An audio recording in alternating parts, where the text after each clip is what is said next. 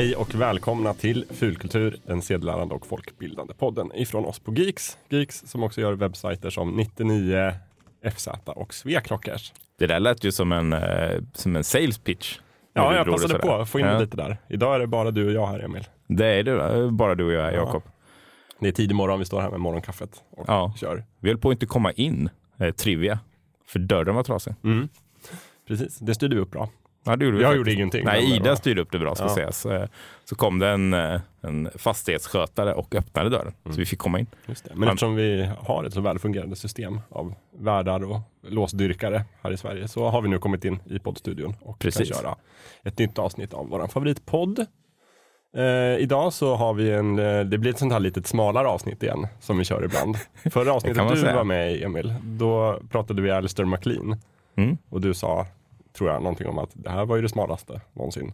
Så nu ska vi toppa det, tänker du? Ja, det vet jag inte. Det här är ändå folkligt i den bemärkelsen att det är någonting som finns på Netflix och att det liksom är väldigt tillgängligt. Du förstår vart jag vill komma. Ja. Ja. Eh, när jag säger smalt avsnitt så menar jag att vi dyker in i liksom ett speciellt verk. Kanske inte de här breda strypgreppen på genrer och sånt som vi brukar ta. Att kalla det för strypgrepp är också intressant eh, ordval där, känner jag. Ja. Eh, vi ska följa traditionen här i Fullkultur och den går ut på att vi ska ta lite incheckning och prata om vad vi har, om vi har sett, hört, läst, pratat någonting sen sist. Alltså, om det nu var ungefär ett halvår sedan jag var med sist, eller något sånt, så har det ju hänt. Det har ju flutit vatten Mm. under broarna. Du får ta något. Ehm, en bra fråga faktiskt. Jag har tittat en del på eh, Bamse.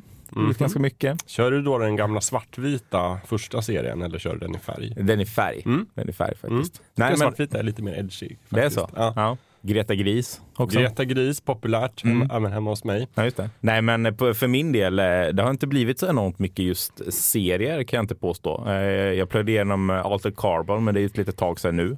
Gillade. Eh, Sista veckan annars har det blivit jag har varit lite trött, så när jag kommer hem så har det mera blivit varva ner hjärnan med något korkat spel. Ja. Typ PubG eller någonting där man inte behöver tänka så värst mycket. Det är det där när man springer omkring på en ö och skjuter. Ja, man skjuter varandra i ansiktet. Mm. Och det låter ju eh, ganska rakt på sak. Och det är ganska rakt på sak om man ska vara helt ärlig. Så det är lite mer åt det hållet faktiskt som det har blivit. Eh, jag har inte grävt ner mig i några djupare grejer. Jag önskar jag hade haft eh, lite mer energi och titta på någon bra serie eller sådär. Men Mm. eh, det har inte riktigt blivit så. Nej, vad tråkigt. Nu har ju Westworld börjat igen Mm. också. Det kanske kan bli något. Ja, jag gillade första säsongen. Andra hade väl premiär igår. Mm. Precis, jag jag. såg den. Jag såg den. Så det är dags att haka på HBO-abonnemanget igen. Alltså. Ja, Jag skaffade ju det Prime, eh, Prime Video eh, istället för HBO. Mm. Faktiskt. Jag tycker de har en del, alltså det är ju inte alls lika brett som HBO eller Netflix eller vad det nu kan vara. Men jag tycker det finns en del intressant på Prime. Mm. Eh, Jag tycker en del av deras eget material är väldigt välproducerat. Så. Jag blev väldigt lack på Amazon Prime häromdagen när jag skulle just titta på lite tv-serier och kom på att men vänta, allt finns ju inte. De skyltar ju till exempel en serie om Jack Ryan som är Tom Clancy's Ja, just det, som inte ens finns än, eller hur? Som inte ens finns. Nej. Och då är jag så här, men varför finns den inte? Är det för att jag bor i Sverige eller för att Nej, jag tror det är coming 2018, Ja, eh, sist då jag var det kollade. därför. Ja. Då blev jag kanske arg i onödan. Nej, men alltså utbudet är ju är väldigt litet och det är mycket så gamla filmer och filmer Mm. jag redan har sett och sådär. Men, men en, det finns några guldkorn där och det kostar ju ingenting Nej. om jag minns rätt med det här introduktionserbjudandet. Nej, men Vad var det? exakt. 29 kronor i månaden eller någonting. Yes, det stämmer. Ja, men jag vet inte, jag är nöjd. Jag tycker de serier jag har sett har varit jättebra, men utbudet är jättelitet. Så att jag tror inte jag kommer fortsätta sen när det blir dyrare. Om det inte kommer någon riktigt bra serie. Nej, det tror inte jag heller jag kommer göra. Men eh, det här halvåret så Mm. Har det ändå Jag har haft ett bra halvår med Amazon bra. Prime. Ja, precis. Nu ska vi, vi kan, vi kan skiljas åt som vänner Ja, eventuellt. Mm. Nej, men så det är väl på, på den fronten eh, det ligger lite. Det fulkulturella och det kulturella i allmänhet har fått ta någon form av eh, eh, passagerarplats. Lite så. Mm. Hoppas på att kunna komma igång med det här. Jag insåg att jag inte hade sett nya Blade Runner. Oj, den har vi kört ett helt avsnitt på här. Och André tittade på mig som om jag var från en annan planet här borta i, i räddrummet. Så att då, då var jag tvungen att beställa den omgående. Så nu ligger den Andrea- hemma och väntar på mig. André är också en sån här ung människa som har lyxen att liksom titta på film varje dag. Om han, Han gillar ju film väldigt mycket Ja, också. ska han gör ju det. Så eh, den ska jag ta tag i. Det är väl kanske nästa planerade fulkulturella grej. Att Mm. få den sedd nu i helgen. Få, den, få det gjort, få det ur världen. Jag ska inte spoila den för dig, men jag kan säga att jag tyckte den var väldigt bra. Mm. Någon annan film som jag fick recommended när jag köpte den var den här eh, som du, eh, den här sci-fi eh, eh, Valyrian something vad det nu heter. Eh, som du tittade på och inte var så imponerad av. Baserad på någon s- Ja, serie. Valerian Ja, så and the City of the Thousand Jag köpte Planets. inte den. Baserad på serien som på svenska heter Linda och Valentin. Ja, Just det, nej jag var väldigt oimponerad. Mm. Mm. Jag köpte inte den. Jag såg att den gick att köpa nu på iTunes för 49 kronor. Är den värd 49 kronor? Ja, jo men alltså. Nej, värd 49 kronor är det ju inte, men du skulle ju kunna hyra den för kanske 29 Okej, om du vill titta på den så någon gång. du menar att man behöver inte ha den hemma i sitt bibliotek fysiskt eller Nej, Men jag, jag kan tänka mig att människor som tycker om effekter och inte vill använda hjärnan så mycket skulle kunna se den och tycka att ja, men den var ju läcker. Lite som den där andra filmen. skulle jag beskriva Som, den eh, som. den där filmen jag och Jonas eh, brukar älska och hata på. Vad heter den? Jupiter Ascending. Exakt så. Mm, jag vet det för att ni pratar om den ofta. Är- Den, fann, den fanns också där, den kostar också 49 kronor. Den är ju verkligen inte värd Nej. 49 kronor. Det är ju en av de absolut sämsta filmerna som någonsin har producerats. Hur den kunde bli så dålig är ju det är så imponerande. Ja, men det är också därför jag tycker den är lite bra, Nej. eftersom att den är så dålig. Den är ju så dålig att den blir bra för att, i sin dålighet. Det är någon form av effektöverdåd i Ja. två timmar bara. Ja, det är så spektakulärt misslyckande. Ja, jag förstår inte. Och jämfört med den så är Valerian mycket, mycket bättre och därmed Jaså? sämre. Som att man kan njuta av den mycket mindre. Det är inte ens logiskt. Jag tittade på den uh, Jupiter sändning på flyg vet jag. På en ganska dålig flygskärm. Mm. Ni vet hur det är. Och inte ens, alltså, det var inte ens värd min tid då. jag kunde gjort något bättre. Tittat på gamla reruns eller vad de mer hade för någonting. Ja, vi jag har lite gamla tv-serier där Ja. också. Men det är ett, ett kommande avsnitt kanske, dåliga filmer som är bra. Filmer jag ångrar att jag såg. Precis. Jag kan bara kort eh, flika in att jag har inte heller gjort så mycket fulkulturellt på grund av livet. Men jag har i alla fall börjat titta på Netflix-serien Lost in Space Ja, just det. som är väldigt sådär tycker jag. Jag är lite nyfiken på den, men väldigt sådär alltså. Ja, men alltså, jag fattar inte, för folk säger att den är jättebra. Det är, liksom, för det är en remake av en 60-talsserie Och den som var var otroligt dålig. Alltså på så här, som bara 60-talsserier kan vara. Och sen så det, finns det också en film från 90-talet med Matt LeBlanc Åh, det låter inte bra. som ser jättekonstig ut på alla Alltså, bilder. inget ont om honom nej, förresten, men- nej, nej, men go- alltså, hans, det, problemet är, googla på Matt LeBlanc, Lost in Space. Och du ser ju bara Joey från Vänner. Och då blir det inte bra. Nej men det är alltid så här, Joey från Vänner är ju skådespelare, Ja. så att alla filmer Matt LeBlanc är med i, är det ju Joey som spelar. Det var som när David Schwimmer var med i eh, Band of Brothers. Ja. Det är Vad, vad gör en paleontolog i Band of Brothers? jättekonstigt. Ja, visst. Men den har jag i alla fall börjat kolla på. Den är hyfsat spännande ändå. Men jag fattar inte, eller varken jag eller min sambo fattar vilken genre det är riktigt. Alltså det är sci-fi. Men vem är målgruppen? Är det här för barn? Eller är det för vuxna? Det kanske är för ditt inre barn. Ja men kanske, för karaktären är så här liksom väldigt fyrkantiga. Det är inte så avancerat. Så bara. Den här personen är ond, den här personen är god, den här personen är modig. Du vet, som, det är lite, ibland känns det som att man sitter och tittar på julkalendern. Ja. Den, det djupet på karaktärerna. Men sen så händer någonting som oj det här borde inte barn se. Vem, vem ska se det här? Så barn får titta på den med vuxna. okej. Från 11 år i vuxensällskap. Jag skulle tro det, någonting sånt. Men vi är alltså dåliga fulkulturister just nu. Ja, vi Egentligen. har varit det på sistone. Men Nej, jag får vi ta göra- tag i det. Jag ska göra- spela mindre PubG för att det ger ju ingenting eh, fulkulturellt eller på något sätt, det ger ingenting. Nej, vi har också kört ett avsnitt om det spelet tror Mm. jag. Jocke och de andra körde ju det. Det får du inga poäng för. Nej, jag får inte det. Och jag, jag, inte ens, jag byggde en dator eh, i helgen. En Mm. ny dator till mig. Det är inte fulkulturellt, men det är nördigt. Ja, Så jag kanske får en halv poäng. Ja, och det beror på vad du gör med datorn sen. Eh, spela PubG. Och, då går vi vidare i programmet Ja, tycker jag. det tycker jag. Mm. Vi lovar att göra bot och bättring och Mm. se mera fulkulturellt. Verkligen. Eh, det vi ska prata om den här gången är ju faktiskt också en grej som vi såg nu för ganska länge sedan. För tiden gick iväg och sådär. Ja, när jag hade sett den här serien så tänkte jag direkt att det här skulle jag vilja prata om i fulkultur med någon insatt. Som kan liksom så reda ut. För att jag blev lite glatt överraskad ändå. Och sen så gick månaderna och Sen visade det sig också att det bara var du och jag som hade sett den här serien. ja. På hela, hela bygget. Netflix köper ju in liksom serier i parti och minut, känns det som. Och sen så bara sprutar de ut dem på sin strömmande tjänst. Och alla upptäcks inte riktigt. Alla blir inte Stranger Things. Men det här är, tycker jag är ändå ett, ett lite dolt guldkorn. Så att därför skulle jag vilja någonstans ändå lyfta upp den i podden och tipsa om den. Och då tänkte jag följande upplägg. Att först berättar vi vad serien heter. Titeln på det här programmet kommer kanske redan avslöjat vad det handlar om. Ja, förhoppningsvis har ni hunnit se den nu under här långa Under introt. jättelånga intro. Nej, men vi ska inte spoila så mycket alldeles i början tänkte jag, utan vi bara säger vad det är och om vi ska se den, vad, vad vi tyckte om den kort. Och sen så efter det så kan vi prata om konceptet. Och då egentligen liksom allt som avslöjas första avsnittet. Då spoilar vi inte jättemycket. Och sen förhoppningsvis blir folk lite sugna, men jag kanske ska kolla in den här serien.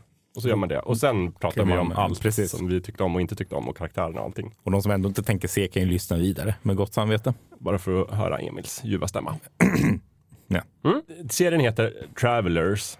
Nu var det ur världen. Ja. Ja. Det är en kanadensisk sci-fi serie. Eh, jag kommer inte ihåg vad kanalen heter, men den är, är någon samproduktion mellan Netflix och någon kanadensisk tv-kanal. Så det är väldigt mycket liksom tv-budget sci-fi. Ja, det är. Om man inga grandiosa. Nej, men om man jämför med Altered Carbon till exempel så är ju den oerhört påkostad visuellt. Och det är liksom, den har ju en filmbudget liksom. Mm. Det här är mera som att det här ser mer ut som att de har filmat väldigt mycket i Vancouver och i en, liksom en, en tv-studio. Och det har de också. Ja, då är det inte så konstigt att det ser ut som det. Nej, precis. Nej. Men det, jag vet inte, jag fick någon form av, av minnen från liksom, tv sci-fi som jag kollade på när jag var liten. Liksom. Mm. Det var lite så här, ja, men det här är lite mysigt och lite lagom tempo och liksom, spännande karaktärer och ett roligt koncept. Och det är väldigt där klassiska tv-serieuppbyggnaden också. Att ja, men, eh, säsongerna börjar och sen så händer det grejer och sen så går allting lite bättre och Mm. då vet man att någonting kommer gå åt skogen och så slutar säsongen med någon form av cliffhanger och så börjar nästa säsong Mm. eh, utan att gå in på några som helst detaljer. Men det är ett väldigt klassiskt upplägg. Ja men eh, precis, och det finns också de här avsnitten som är väldigt fristående. Alltså det här Ja. avsnittet ska fokusera på ett problem eller en karaktär. Och sen så är det de här avsnitten som är liksom för storyn framåt lite grann. De blandar så. Ja. Vilket är liksom inte nytt och modernt idag Verkligen på något inte. sätt. Men en gång i tiden var det det. Mm. Det, det, det är en klassisk stöpt eh, serie ur det sättet, på gott och ont kan man väl säga. Alltså, eh, man kunde inse ganska snabbt att det skulle bli någon form av cliffhanger och man kunde säkert ha idéer om vad det skulle vara, kan man säga. Eh, men samtidigt så, det är skönt att titta på sådana serier ibland också. När man kan binge-kolla lite och ja. Och jag blev ändå liksom växande mer engagerad i den och tyckte att det här är ganska smart, det här är ganska roligt. Ja, det är, det är ett ganska unikt eh, koncept jämfört med många andra sci-fi-serier på det sättet. Samtidigt som det också återvänds en del gamla grepp. Det är ganska tydligt med eh, go, gott och ont, även om de försöker blanda upp de korten. Men det är, ändå, det är ändå ganska tydlighet i vilka karaktärer som ska vara de trevliga. Eh, Jo, nej men den- är väl, ja precis, den är inte liksom revolutionerande på det sättet Nej. som vissa andra serier kanske är. Men den är gedigen skulle jag Mm. Och hyfsat välskådespelat. Jag kan inte på rak arm, det var några månader sedan jag såg andra säsongen nu, men jag kan inte på rak arm säga någon som jag stör mig på insatsen. Nej. Eh, Även om det inte är någon som, är det som sticker ut att göra ett extra bra jobb. Så stabil Mm. insats kanske man kan säga. Och sen tycker jag också att om man tänker just själva så här konceptet som vi ska komma in på alldeles, alldeles snart. Så tycker jag att det, jag gillar den här serien för att den är väldigt trogen sitt koncept. Den etablerar det tidigt och sen så den bryter inte mot det egentligen sen. Den försöker inte liksom vända allting upp och ner utan den, liksom, den etablerar konceptet och sen så bygger den vidare på det lite i taget.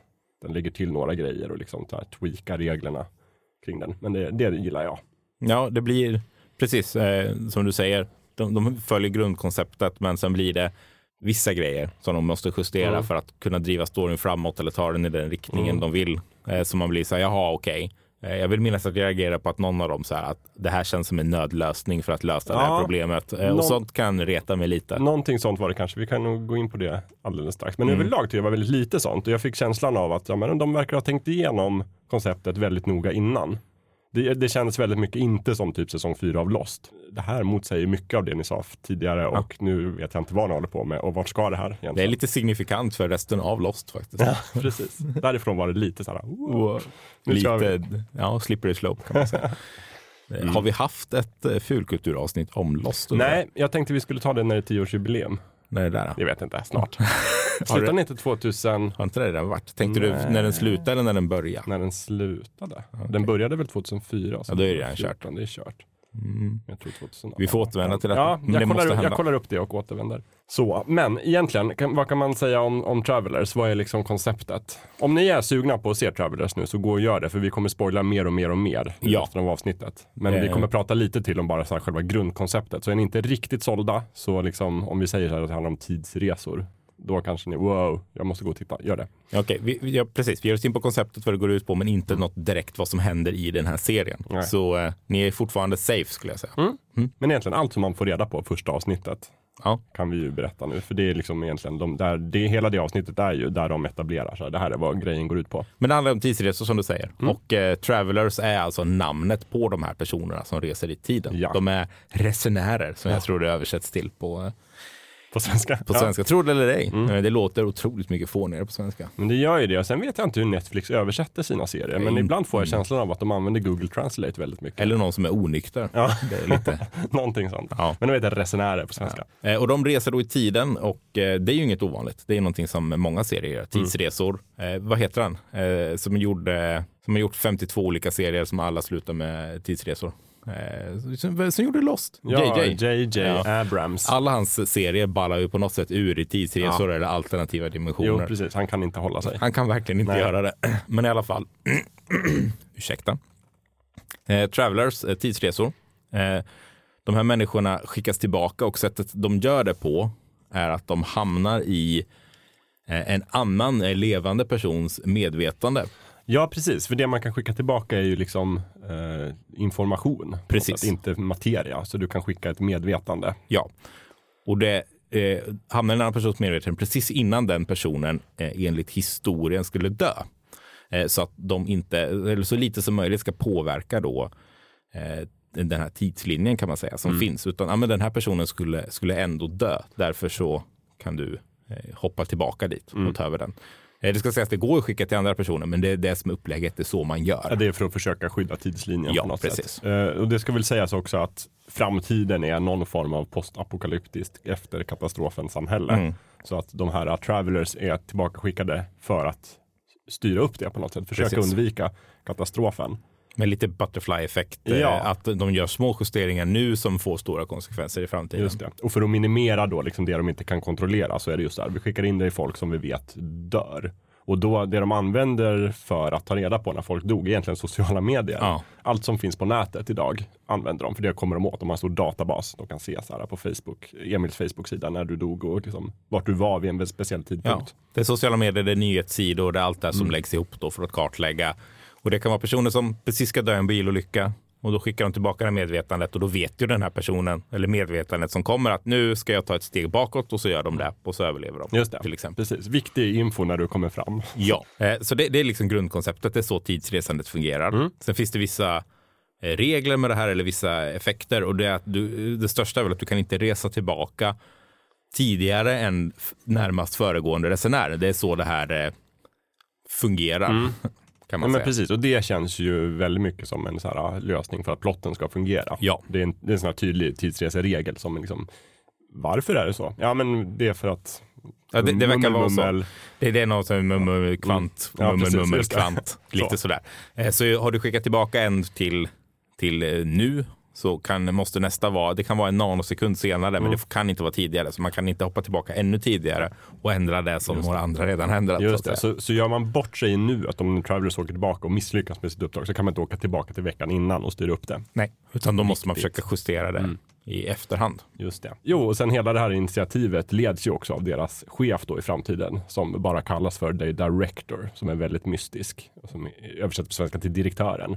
Och den, eh, den uppgiften där är då att hålla koll på eh, alla tidslinjerna från framtiden och skicka tillbaka Travelers för att göra små justeringar eh, som då ska leda till någon form av bättre framtid eller en framtid där den här apokalypsen inte händer eller vad, vad Mm. Ja, det nu kan precis. vara. För The Director har utformat någon form av storslagen plan för Ja, hur vi ska göra det här. Precis, Säg, pratar de inte om den där planen Jo, ganska tidigt? ja, men exakt. följa planen. Och de enskilda travelers har liksom också väldigt liten koll på planen. Det är väldigt få som vet hela. Ingen vet hela. Men många vet så här, ja men mitt uppdrag är det här. Mm. Och sen så samlas de i olika team. Så de är väl ungefär fem, sex personer i Ja, varje jag tror team. de är exakt lika många i varje Ja, team. för de ska alltid ha vissa roller. Då. Det ska finnas en teamledare och det ska finnas en läkare och det ska finnas en historiker som det kallas. Mm. Som är då modifierad för att ha koll på liksom alla dö dödsfall och sånt som händer. Och, och lite andra saker, till exempel eh, ja, men hur aktiemarknaden Ja. Mm. rör sig så att de kan investera pengar så de inte behöver eh, jobba ur den aspekten. Nej, utan att de ska precis. kunna fokusera på sitt uppdrag. Så, så historikerna har mycket i huvudet om Ja. vad som händer och inte händer och sådär.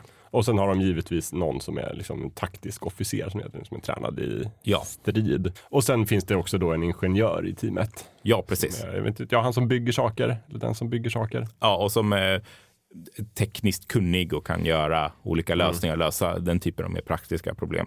Och det är väl så det ser ut. Ja, och det är väl egentligen allt det man får reda på i första Mm. avsnittet. Det slutar ju med liksom att de berättar allt det här. Vi är från framtiden och vi är här för ett uppdrag. Mm. Och, sådär. och hela egentligen första avsnittet får man ju följa den här FBI-agenten som följer en massa mystiska saker som händer och folk som verkar ha bytt personlighet och sådär. Som spelas, eh, som heter Grant McLaren. Då. Ja, Ja. exakt. Det, det är egentligen premissen för hur den här serien upplagd. Mm. Och eh, sen blir det upp till eh, det här teamet att, att på något sätt försöka ge sig in i att följa den här planen Mm. och eh, justera då de här tidslinjerna. Och äventyr inträffar. Äventyr inträffar. Mm. Eh, utan att spoila kan man ju säga att saker går inte som planerat alltid. Nej. Don't think the future doesn't get its hands dirty. Can't imagine we'd do something like this. I have no idea. Happy hunting. We meet again. We're gonna stop this pandemic and hunt down the faction.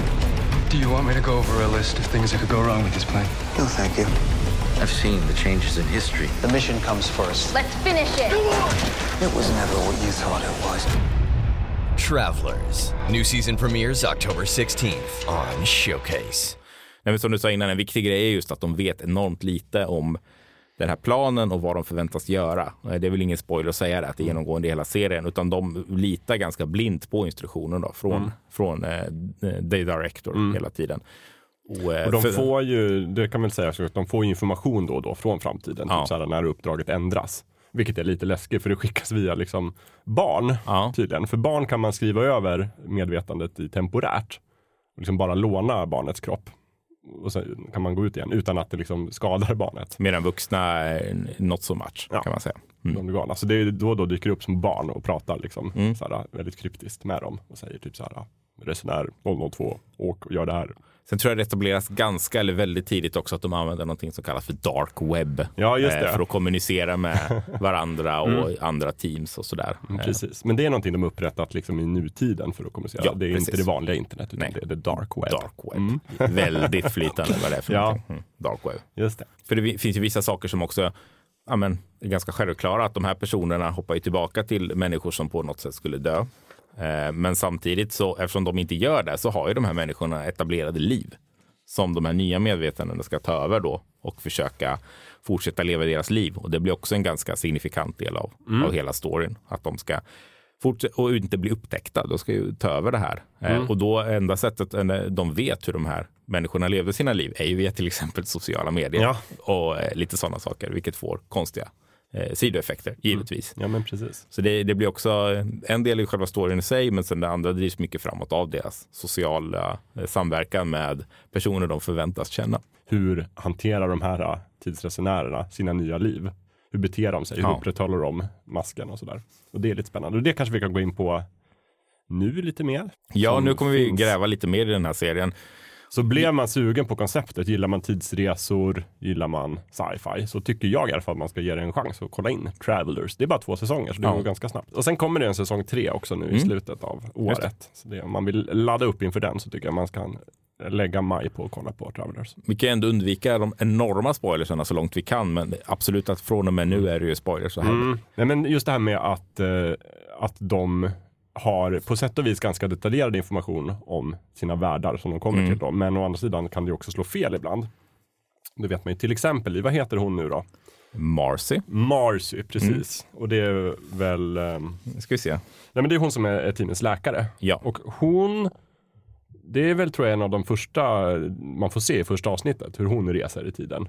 Ja, precis. Och eh, om jag minns rätt så är det ganska tydligt ganska snabbt att eh, det är någon form av eh, en person som har någon eh, intellektuell handikapp som, eh, som är den här personen i nutiden.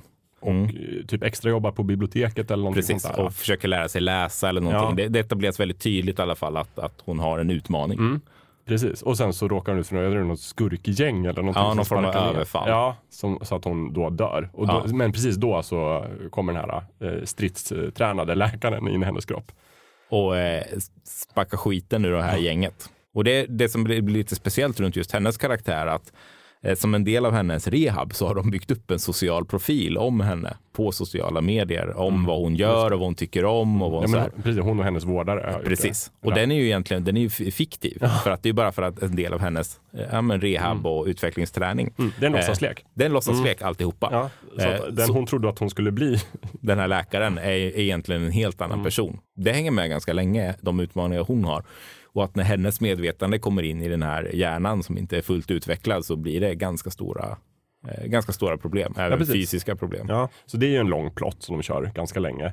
Men också just det här hur hon uppenbarligen plötsligt är högfunktionell fungerande. Ja, Vilket förvånar inte minst hennes vårdare då. ja precis. Som bara, jaha, du kan läsa idag. Det var intressant, lite så. Det är ganska intressant upplägg och eh, vårdaren spinner de ju vidare med ganska mycket. Han blir en, David som han heter. ja, han blir ju en stor del av serien Ja, den, framåt. typ den största bikaraktären Ja. nästan. För han eh, blir naturligtvis kär i Maisie. Ja, Vilket är, jag vet inte, jag tycker det känns lite konstigt på sätt och vis. Min eh, sambo som är socionom tyckte det här är väldigt olämpligt för en socialarbetare. Ja, jag, ska man inte jag tror att de spinner ju på det också, att det är väldigt Mm. olämpligt. Jag gillar också att den plotten får en uppföljning sen för att det är inte Oftast är det så här att det är ett problem i de första avsnitten och sen så släpper de det helt och hållet. Men det får ju faktiskt konsekvenser när hans chef kommer på det. Och så här, och tycker först att men du borde inte ha en relation med någon som du liksom, eh, vårdar. Och sen så försöker han visa så här, nej men hon är smart nu, hon kan, hon fungerar, hon är, liksom, kan läsa och det, hon, det har skett en förändring. Och sen så tror han på det, men bara så här, ja fast du har ju inte sagt någonting.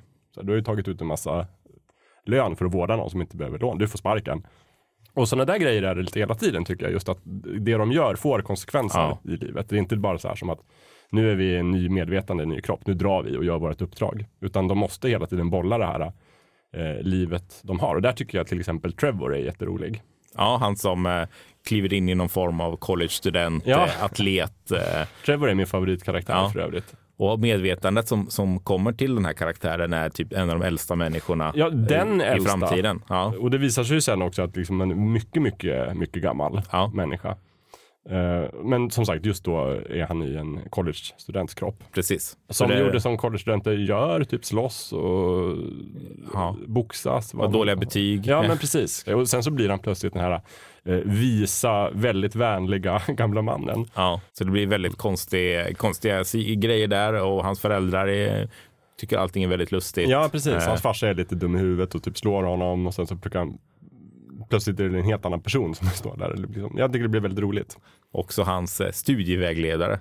Eh, blir väldigt förvånad. Grace Park. Grace Park. Också en väldigt bra karaktär. Mm. Men det här är också en grej som jag tycker är så kul med Travelers. Just att Grace Park spelar ju en karaktär först. Hon är hans studievägledare. Som tycker att Trevor, du beter dig väldigt konstigt just nu. Men du har plötsligt blivit väldigt, väldigt uppstyrd. Eh, och sen så blir det någon form av liksom romantisk utveckling mellan dem. Eller han blir i alla fall väldigt intresserad av henne. Eh, och sen är just den här hela vändningen när hon ska dö. Också lite så här, oj, förutsägbar plott. Att det visar sig att historien visar att hon dör. Ja. att, jag vet inte, hon får ett piano i huvudet eller någonting sånt där. Jag kommer faktiskt inte ihåg. Och då försöker han naturligtvis rädda henne. Och det går åt helvete. Och då skrivs hon över, för enligt planen som sagt så skulle hon ju dö så att hon ska skrivas över av en resenär. Och han försöker undvika det. Och det går inte. Och så skrivs hon över och får en helt annan personlighet. Så att hon är med i serien sen också, men hon är en helt annan Hon blir Karaktär. sjukt dryg, uppkäftig. Jättedryg, väldigt- otrevlig ja. och osympatisk, oempatisk person. Men också jätterolig. Det kan vi säga också, jag tror inte vi var inne på det ordentligt innan, men de har ju nummer, alla travelers. Ja. Eh, Och numret eh, anger egentligen vilken ordning de är, vilken traveler de är i, i nummerordning. Mm. Eh, Det är 4817 och sen kommer 4818 och så vidare. Och så vidare. Ja, fast är det verkligen så enkelt? Ja, det är så. De räknar, alltså, jag försökte sitta och räkna. Jag, jag tror inte det är ordningen de åker, Nej. utan på något sätt ordningen de har blivit rekryterade. rekryterade. Ja, just det. när jag tänker efter. Det stämmer. För de som har lägre nummer kan ju komma senare, men de verkar ha någon sorts högre rang. Precis. Just det. Så jag vet inte om det är så att i framtiden att alla bara har ett nummer. Eh, oklart. Eh, jag vet inte. Eller om man, det är någon form av eh, någon form av ordningsnummer är det i alla fall. Mm. Eh, för att eh, hon som tar över då Grace Park, vad Ja. heter hon i serien? Ja, men hon heter ju resenär. Ja, menar du skådespelaren eller? Nej, hon heter ju Grace, nej Grace Day heter Grace hon. Day heter hon. Jag tänkte Just det. Men det är för Grace att jag Park är blandar, med, jag blandar ihop henne med en karaktär som samma skåd... Jennifer, Ja, Jennifer? Spence heter skådespelaren och hon spelar eh, Lisa Park i Stargate. Ja, nu, här blandar vi ihop saker. Men det, hon spelar här Grace Day. Grace Day heter hon. Jag tyckte Grace Park kändes inte bekant. Nej, Grace Day. Men hon blir då sen eh, resenär 0027. Precis. Så det är ganska lågt nummer. Som är då en, eh, ja, en väldigt tidig person i Mm. eh, framtiden så att säga. Och som har varit med och utvecklat hela Ja Travelers-programmet. men precis, och hon är också någon sorts här superingenjör och kan koda vad som helst. Ja. Och liksom väldigt insatt i hur saker funkar. Och det är också där, när hon dyker upp i Blind som vi får, en av, tycker jag, en av de seriernas stora som överraskningar. Men det verkar inte du har liksom tolkat på samma sätt. Nej. Eh, jag, dyker hon ens upp i säsong ett funderar jag på. Det kanske hon gör. Mot slutet. Men en del av det där är just att Grace Day kommer dit och hon gör en massa saker. Och sen avslöjas det just att den här The Director som har skickat tillbaka dem är en artificiell intelligens. För mig var det en stor var spoiler. det? För Nej. mig var det så här, what? När hon säger så här, vad gjorde du? Bara, jag startade om The Director. Ja, nej, jag, jag Ja, vet du, inte riktigt. Du fattade direkt att det var Nej, men en jag, AI. jag var inte, blev inte alls överraskad av det. Så jag vet inte om jag på något sätt visste det eller om jag hade mm, någon hint innan. Nej, jag vet någonting. inte. Jag tyckte det var ett stort Ja, ögonblick. För jag började fundera mycket på den här Director och bara, vad är han? Och hur, hur kan de ha sån hög tilltro till honom? Och Undrar om det finns någon annan serie som har en liknande plott med det där som jag precis hade. Kanske det. Jag försöker tänka. det. Jo, Det sägs att den här serien är väldigt lik Continuum, Ja, men den det- har inte jag sett. jag såg Continuum precis innan, så frågan är om jag bara undermedvetet var beredd på Är det en AI där också? Fan vet om det inte är det, jag okej. tänker efter. eh, på sitt, det kan, mm, det kanske är en AI där, jag kommer faktiskt inte ihåg. Ja, kanske. Jag Mm. vet inte. Ja, för det de ska göra, det första uppdraget någonstans där i det här teamet, är ju liksom bygga någon form av laser Ja, ett det. labb och sen ska de skjuta det på en asteroid som är på väg mot jorden så att den inte kraschar. Och då ska någonstans hela den här katastrofen undvikas. Ja. Och, och grejen är, sen gör de det. Och det tycker jag är en annan rolig grej av hur de liksom är trogen sitt koncept här. Att alla de här resenärerna, de vet inte riktigt vad som kommer hända. Därför att det är ingen som har rest i tiden liksom, så mycket tidigare. Det är inte som i Tillbaka till framtiden där man vet exakt. Nej. Nu åker vi tillbaka, nu gör vi en ändring, nu kommer det här att hända. Åh, fotografiet, du håller på att suddas ut från fotografiet. Det betyder att det är en annan tidslinje. Det finns inget sånt, utan de kan spekulera och säga så här, nu gör vi en jättestor förändring här. Eh, Det är mycket möjligt att vi kommer upphöra att existera. Och, och det som sker för dem är ju att ja, men ingenting händer. Allt fortsätter som vanligt. Mm. Och då är frågan, har vi lyckats med vårt uppdrag? Är framtiden som den var förut eller inte? Och sen så sker det ju gradvis just där att det dyker upp en massa förändringar.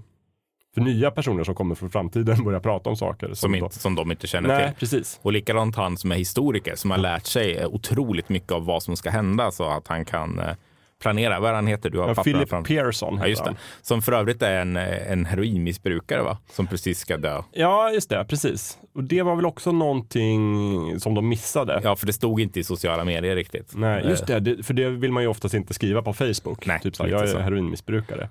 Utan de trodde någonstans... För det var inte det han skulle dö av om jag minns rätt. Det var något annat. Nej, precis. jag kommer inte ihåg. För det var han, han och hans kompis tog ju överdos samtidigt. Ja. Och de hade någonstans missat att han också var en heroinmissbrukare. Så att han överlever men är beroende av heroin, grattis.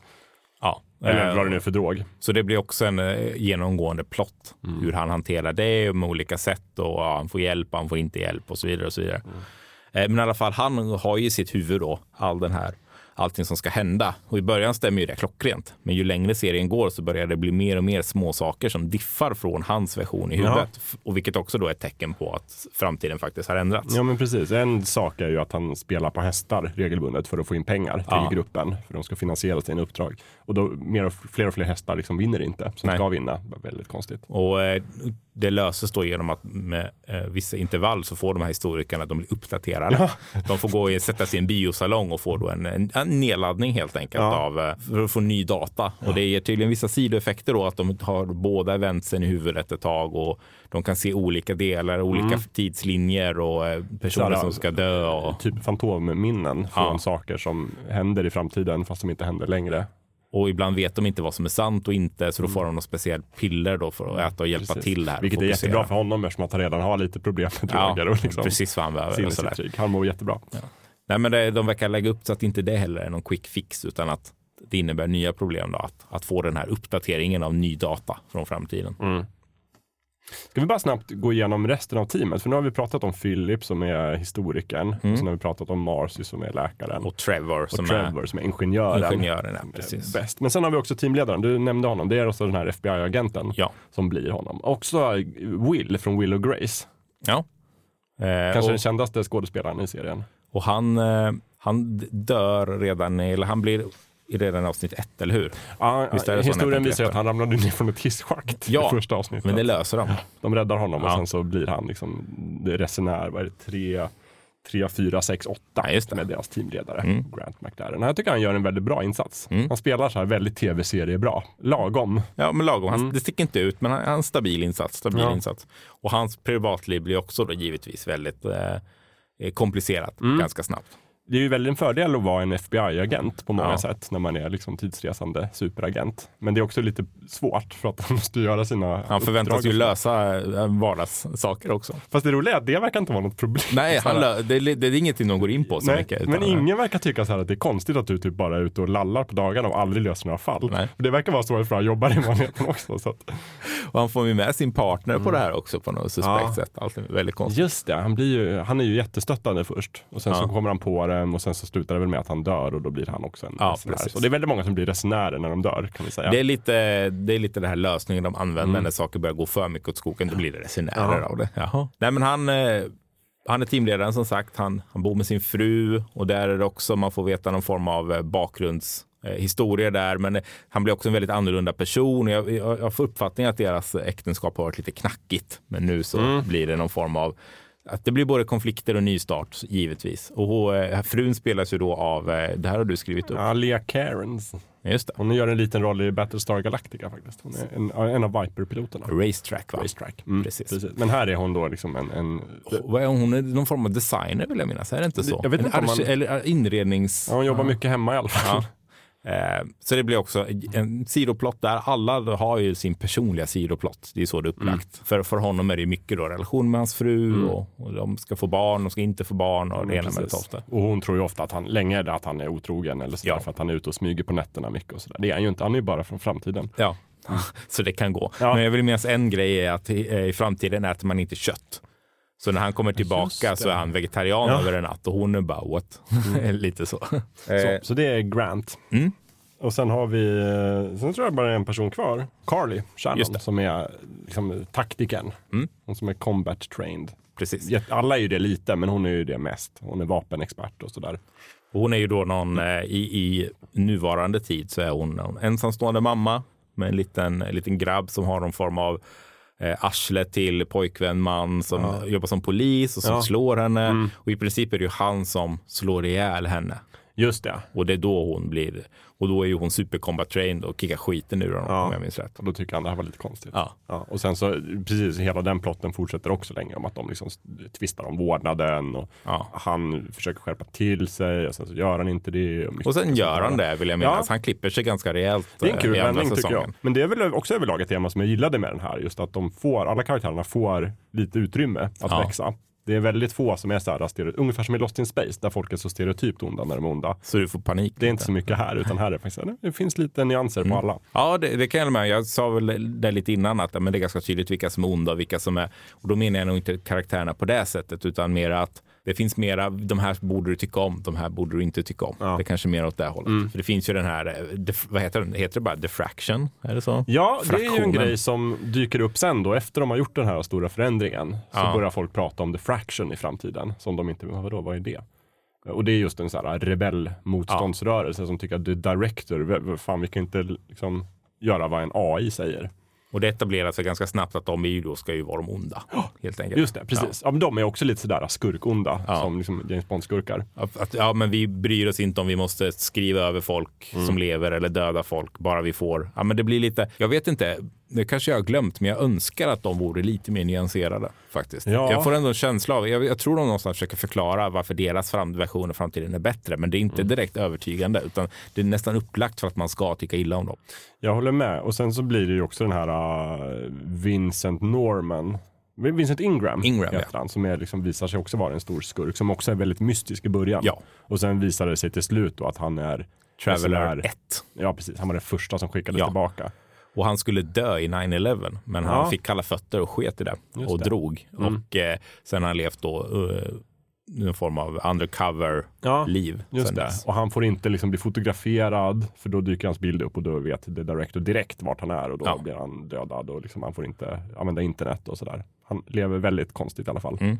Men använder liksom, han blir ju verkligen en stor skurk. Ja, Sen- och hela hans eh, liv har han då dedikerat åt att på något sätt förstöra det director i framtiden. Mm. Eh, Det, det är det han vill göra. Han har byggt upp ett jättestort företagsimperium där han bara vill, eh, han vill, han vill förstöra och göra en annan version av framtiden Mm. som han tycker då är bättre. Och det är också, de försöker förklara det och motivera det, men man får ändå en tydlig bild av att han, han är ju skurk i den här serien. Mm. Jo, onekligen. Ja. Så han, han kidnappar ju våra hjältar och liksom beter Ja. sig. Han beter sig. Ja, han har en väldigt låg moralisk tröskel. Ja. Vincent han- Colantoni spelar ju honom, Precis. som är också lite kändis sådär. Ja, jag kom fram till att han, han är också med i eh, Person of Interest. Elias där, Ja. vill jag minnas. Eh, och jag har också roller i mängder, småroller av mängder Mm. av serier. Han är en sån riktig, man kan nästan tro att det är hans jobb. Ja, men han är en riktig sån här fulkulturell galjonsfigur Ja. som dyker upp lite överallt. Sen också, för mig är han ju Veronica Mars pappa. Ja. Men jag, jag svär nästan på att nästan alla som ser en bild på honom kommer känna igen honom från Men någon det är så man säger, ja det är han. Ja, precis. Utan att egentligen Utan kanske, kanske veta vad han heter. Nej, precis, eller De säger han inte där är. Vincent, utan säger där är han. Ja, där är han. Eh, Men han är med väldigt mycket. Eh, Men han gör en, alltså en typiskt stabil roll här också, skulle jag säga. Inga konstigheter. Nej, han är bra. Man får ändå lite sympatier för Ja, honom. absolut, absolut. Men det är det- väldigt tydligt att han är skurk. Ja, men han gör ju onda saker. Ja, det är ju som de här eh, Fraction-människorna, ja, men de har väl också en idé som säkert skulle funka, men sen så Mm. eh, måste de slänga in det här, ja, och så dödar de eh, folk till höger och vänster. Ja, Ja. men det är så här, ja, ja, jo.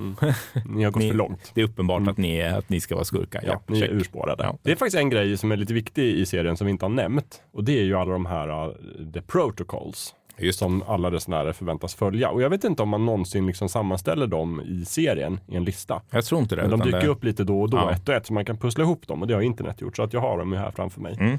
Och det är ju liksom mycket av det som skapar liksom spänningen i serien. För till exempel det första protokollet är ju liksom the mission comes first. Så det är det viktigaste i allt uppdraget. Så Mm. Det är det som gäller och det är oftast så beter sig ju, eftersom det är en tv-serie, så finns det ju ofta skäl att bara, men nu måste vi inte göra precis. uppdraget. Lite som, eh, vad heter den i Star Trek? Eh, Prime Directive, ja. just det. Precis, det Det är är, lite det är mer som en allmän Ja. tumregel. Lite sådär. Ja. Eh, och eh, bland annat så innefattar väl det här att du ska aldrig, du ska aldrig döda någon eh, om, du inte, om inte uppdraget säger det, men du ska aldrig heller rädda någons Mm. Nej, liv just det. om Precis. inte uppdraget säger Påverka det. tidslinjen så lite som möjligt. Precis. Så don't take a life, don't save a life. Och det är också några gånger när de så här, tvingas stå Ja. och se på att folk dör. För att nej, men Uppdraget säger inte Ja. att vi ska rädda den här personen. Så. Precis. Och det bryter de ju mot lite då och då Ja. sen också.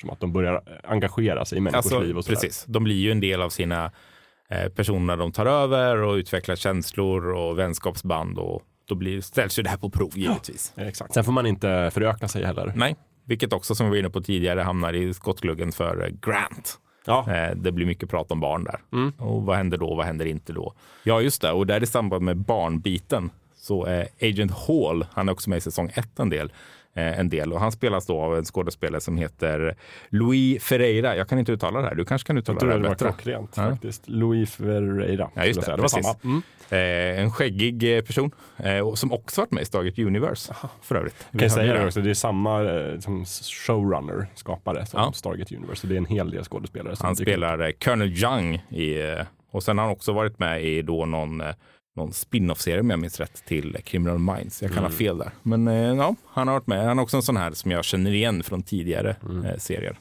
Just det. Men han är ju också en sån här liksom, typ antagonist i serien, Mm. fast han är en av de goda. Men han, han leder ett annat team Precis. och är mycket hårdare, för han har varit där länge och liksom tycker så här, vi kan inte bry oss om andra människor, så här, vi har inte råd med det. Och the mission comes first. Han, Han är liksom väldigt så. lusläst de här protokolls. Eh, och någon, det händer någonting som jag inte kommer ihåg detaljerna i säsong ett som gör att han och hans partner från ett team hamnar i fängelse. Mm. Och det är uppenbart då att de ska göra det för annars skulle The Director plockat ut dem ur fängelset.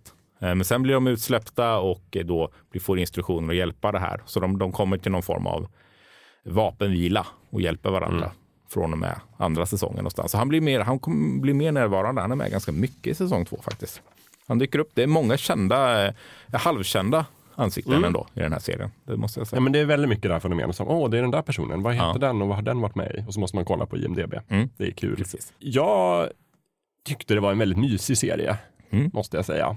Jag satt och trivdes liksom, när jag såg den. Inte för att den var, liksom, jag ramlade inte av soffan, liksom, så, men jag tyckte den var så här klurig och smart och lite så här egen. Och jag älskar ju tidsresor också.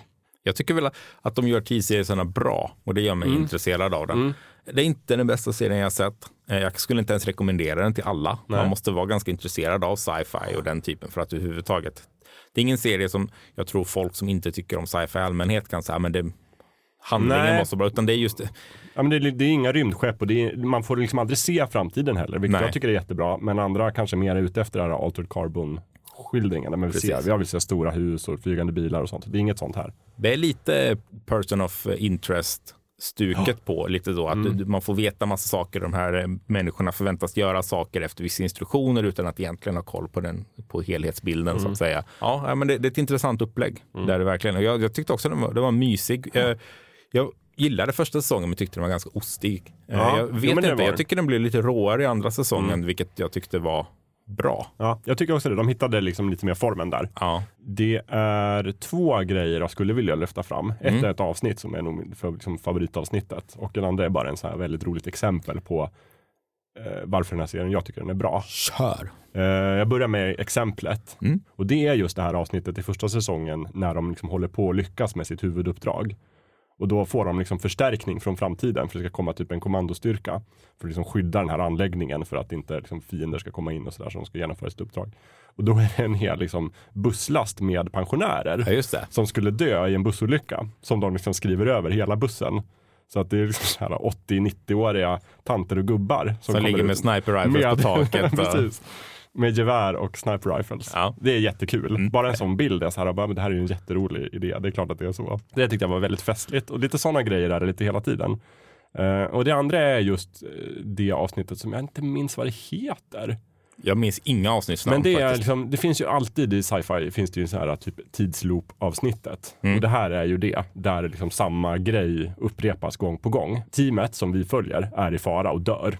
Är det det med båten? Ja, Ja, och sen så skickar resenär, The Director skickar en resenär från Mm. framtiden för att rädda dem in i en fallskärmshoppare. Ja. Och sen så måste den liksom snabbt hinna fram på typ, de har 12 minuter på sig för att hinna dit för att rädda teamet. Men misslyckas och dör. Och eftersom de inte då kan testa igen så skickar han in i samma fallskärmshoppare typ en nanosekund senare Ja, hela tiden. Ända tills, och det, finns, det verkar finnas en form av gräns. Du kan bara skriva över en människa så många gånger, sen Ja. börjar det bli konstigt. Exakt. Dels får vi i det avsnittet lära oss att ja visst, det är den här regeln om att man får inte skicka folk liksom, längre bak än den förra. Men det innebär ju att jag kan skicka bara en, verkligen en nanosekund efter. Ja. Så, så det gör man om man är en AI. Och Men just också det här att men om man gör det fem, sex gånger, nu var den här kroppen förstörd, nu går inte det längre. Så då får resenären hoppa in i, i nästa kropp som står bredvid. Och just det här hur man liksom varje gång det händer och de misslyckas så lär sig Director någonting. Och så här, okej, där stod det en person med vapen och dödade, då får jag försöka åka den här vägen. Att de hela tiden testar sig fram tills Ja. de lyckas. Och sen hela avsnittet är egentligen bara det. Och det slutar med att de liksom, den här resenären kommer fram, lyckas rädda teamet. Och då har de kanske blåst 50 medvetanden på det här, vad vet vi, Ja. eh, på att lyckas med det här. Men så viktigt var det. Det kostar att rädda framtiden. Ja, så det tyckte jag var ett, det var ett väldigt roligt avsnitt. Mm. Just det här, verkligen använder konceptet som The Travelers handlar om. Mm. Ja, men det kan jag hålla med om. Eh, det, det är någonstans ganska sent i säsong två, va? Det avsnittet. Ja, det är ganska sent. Får Jag, jag känner igen det fortfarande och det var eh, objektivt kortare tid sedan jag såg säsong Ja. två. Men sen är det väl också just det här, jag tycker de är bra på att upprätthålla balansen mellan att den stora storyn, typ hur räddar vi framtiden och vad går uppdraget ut på The Director och Fraction och alltihopa. Och just de här uh, kortare avsnitten med nu ska vi se, hur går det för Trevor hemma? Han är ju 252 år, men han är ju fast i en 18-årings kropp. Ja. Hans pappa slår honom. Hur har han det hemma? Hans Och så pappa lägger man ett kallar för på det. förnamn hela tiden. Ja, just det. Också en ny grej sen han blev gammal. Jag kan inte säga pappa till dig. Nej, så jag, kallar dig för, jag kommer inte ens vad han Phil heter. eller Ja. någonting. Och det tycker alla är jättekonstigt. Ja. Så att jag, jag såg den, jag brände igenom både första och andra säsongen ganska snabbt. Mm. Sådär, några avsnitt per kväll. Och nu ser jag väldigt mycket fram emot säsong tre. Mm. Och hoppas att det ska bli bra. Jag vet inte hur länge jag vill att den ska fortsätta. Jag är nog ganska nöjd om säsong tre blir liksom den avslutande Ja, säsongen. jag kan hålla med. Jag får bara en känsla av att även om jag tycker säsong två är bra, Mm. så det, det ballar ur något så fruktansvärt i slutet av säsong två. Så för att lappa upp i det här Mm. i säsong tre så känner jag att det kommer behövas så mycket quick fixes, tyvärr, Ja. är min känsla, att säsong tre bör vara den sista. Mm. Jag hoppas att de har nog material att göra en bra säsong tre Ja. med liksom alla trådar de har igång. Men jag hoppas också som du att det inte så här, får bli. Jag vill inte se en massa scener från framtiden. Jag vill inte att de ska liksom åka tillbaka dit. Jag vill inte att det ska komma jag vill inte att det ska vara allt för mycket sånt. Så här. Vi hittar på en ny twist. För där, där har du ju den klassiska JJ-problemet. Ja. Att han gör ju, serien är ju typ Fringe är ju en enormt bra serie. Jättebra. Och sen händer det stuff. Mm. Sen bara, ah, nu är den här, den alternativa framtiden, hej och, och, så, och jag, ja, men du, kunde du inte bara lagt ner? Och, lite, och samma med Lost. Mm. Ja. Det är också, Det, det är ett problem. Jag, jag ska inte hålla det emot JJ allt för mycket. Han är ju som han är i och för sig. Men det är väldigt mycket eh, tv-bolaget som Ja. säger så här. Ah, Lost alltså, vi gillar den. Men vi kan inte riktigt bestämma nu att vi gör fem säsonger. Så ni, du får en, kör en säsong till och sen får vi se. Mm. Hur, ska man liksom, hur ska man hantera det? Ja, Okej, jag hittar på några idéer. Fast det måste fortfarande inte ha hänt någonting i slutet av säsongen. det var någon annan, Continuum är också en typisk sån Ja. serie faktiskt som, du har inte sett den alltså? Nej, jag har inte det. kanske min, du ett, det eh, kanske ska bli mitt uh, Travelers Ja, det eh, substitut. För den är också så att den fungerar väldigt bra. Och sen någonstans så bara, ja men okej, det är uppenbart att vi måste ha in en, en ny, ett nytt lager där för att Ja. kunna göra mer material. Mm. Och då är det så här, man, bara, men du, vad fan hände här? Lite Ja, så. men det är som ett flygplan som inte får landa och sen så bara, men cirkla ett tag. Ja. Och så bara, hur länge kan en tv-serie cirkla i luften? Utan att Men det finns ju mycket värre exempel. Typ, nej, men nu har vi en, en till sista säsong så byter vi ut hälften av skådespelarna för deras kontrakt har gått ut. Men vi vill verkligen Mm. mjölka det här. Det är ju eh, ännu värre givetvis. Där måste jag ju lyfta fram eh, tv-serien Scrubs, tycker jag. Jätterolig Ja. sitcom. Som fick en fantastisk avslutning, säsong åtta. Liksom storslaget sista avsnitt. Allt knöts Sen gör du en spin-off. Allt var jättebra. Serien lades ner och sen bara, hmm, nej, vi säljer den till en annan kanal som gör en till säsong. Som är så dålig. Men är det inte, det som, är inte den här extra säsongen i princip en spin-off? Jo, Där alltså de det är på någon handlar ju, annanstans? han, eh, Zac, eh, Zac, vad nu heter, Zac, S- s- Braff heter JD i Ja, serien. ja. Han är inte med. Han är med i två avsnitt. Jättemycket av karaktärerna. Det utspelar sig på ett helt annat ställe. Nej men det är samma fast de har gjort om det till ett utbildningssjukhus. Det är, ny, det är, han, ja, det är som en spin-off. Ja. Verkligen jättedålig och fruktansvärt tråkig. Jag tror eh, en annat exempel på i mera sci-fi är ju eh, Babylon 5. Ja just det. Som också var liksom, de ju till och med spelat in slutscenen och sista allting. Och sen kom de på, fan vi ska göra en säsong till. Och då fick de inte kontrakt med alla skådespelare, bland annat hon som spelar Ivanova. Mm. Ja. Hon är inte Just med i hela nej, sista precis. säsongen. Utan, men sen på slutet där klipper de in det som egentligen var slutscenen från säsongen Ja. innan och då är hon med igen. Och, Jättekonstigt. och- där, och där är, det tycker jag är lite synd om Straczynski som han heter. För Ja. att han hade ju verkligen ett manus. Han hade liksom fem säsonger planerade. Och sen så säger de så här i början av säsong fyra, nej det blir bara fyra säsonger. Knyt ihop säcken. Och sen så gör han det. Och sen så säger de, nej förresten, vi Ja. skojade, det blir en säsong fem. Precis.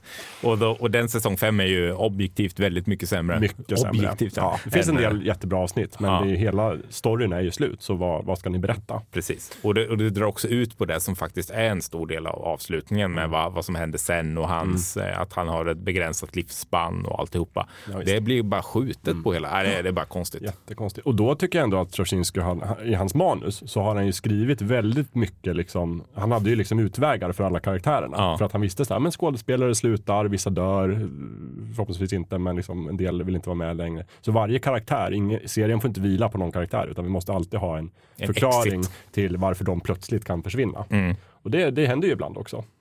Men eh, ja, nej, det är ett bra exempel på där den sista säsongen inte borde existerat. Ja, Inga mer på rak arm, men det, det är ju ganska vanligt tyvärr att det kläms ut en sista säsong för att Mm. pengarna fortfarande rullar in och att den tyvärr liksom dödar seriens anseende lite. Mm.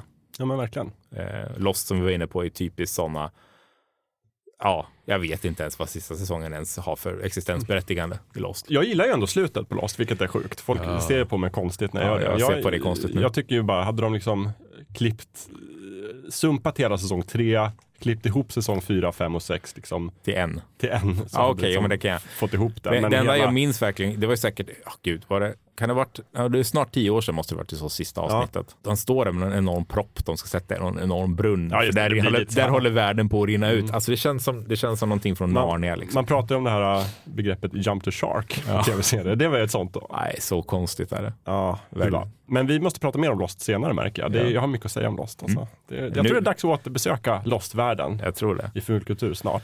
Kan, Men- kan man titta på Lost? Är det någonting? Eh, Travelers kan man ju titta på på Netflix. Det kan man verkligen göra. Jag tror att Lost fanns på Netflix i alla Jag fall. tror inte den gör det längre. Nej, då får man väl låna mina DVD-er om man vill. Mm, DVD. Det Ja. måste ju nästan finnas någon Blu-ray-version känner jag. Eller? Jag vet inte, var det inte en sån här serie som kom liksom precis innan folk fattade att Blu-ray kommer bli stort framöver så vi filmar i kanske. HD. Det är i alla fall widescreen i alla fall. Det är annars en sån det är här tidsstämpel. The Wire är ju typisk eh, inte widescreen. Nej. Men den är ju det på eh, nyutgåvan. Ja, och, men det har de gjort ett riktigt bra jobb Mm, på. men det var ju väldigt kontroversiellt när den kom i widescreen för att det kom med delar av scenerna som, eh, som skaparna aldrig hade tänkt skulle synas. Mm. Ja, just så det. det var väldigt arbetat. Ja, sant. Jag för, skulle nog gärna se den i liksom högupplöst men i vanliga aspekt. Ja. Men eh, på tal om att sista säsongen inte är lika bra som de andra. Det gäller även The Wire, Mm. även om den ribban är ändå ganska hög. Eh, jag tror att vi ska börja runda av. Jag skulle vilja avsluta utifrån tidsresor och se Mm. om du har några tidsresetips för tidsresenärer. Jag har ett nämligen. Uh, ja, eftersom jag är lite oklar på vad du är ute efter där så kör du först. Något, någon annan, jag skulle vilja tipsa om en, om man gillar tidsresor Mm. och har sett Travelers och vill se något annat.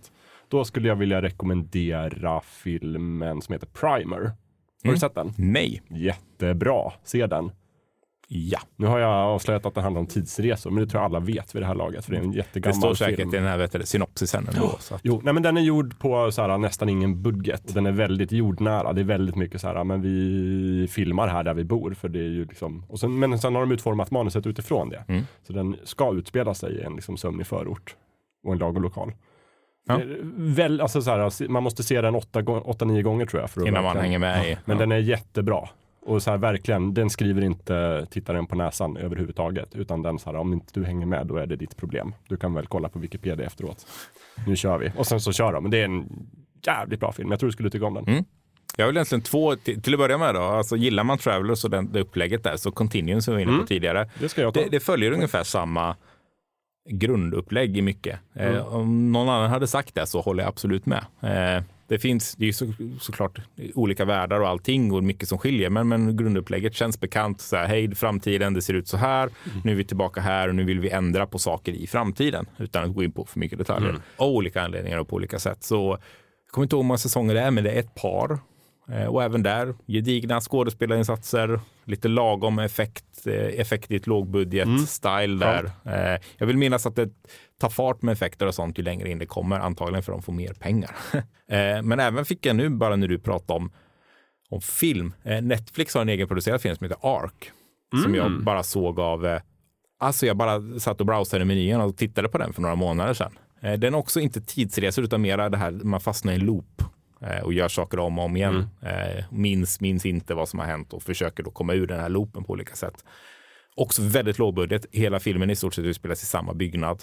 Eh, Jag vill minnas att jag tyckte den var ganska bra och det är väl värt att, om man ändå har Netflix, titta på. Det kan stå på omslaget på liksom hyr Ganska bra. Jag vill minnas att den var ganska bra. Emil Ja, men lite så här eh, mysig, ingenting man bara åh, åh, sitter där och det är liksom uppspärrade ögon. Men mm, se mysig och trevlig Mysig och trevlig och ja, men, ur från ett lågbudgetperspektiv ganska trevlig film. Eh, Ark. Topp. Jag tror den heter Ark. Det mär- märker vi. Vi kommer ju att skriva in alla tipsen i länklistan som vi alltid skickar med i avsnitten. Lost står där. Ja, Lost kommer stå Okej. ja, och alla JJ-serier. Det. Nej, men ett tag var vi inne på att vi skulle skriva in allt vi nämnde överhuvudtaget. Men jag tror vi liksom ska försöka rikta in oss på de konkreta tipsen. Mm.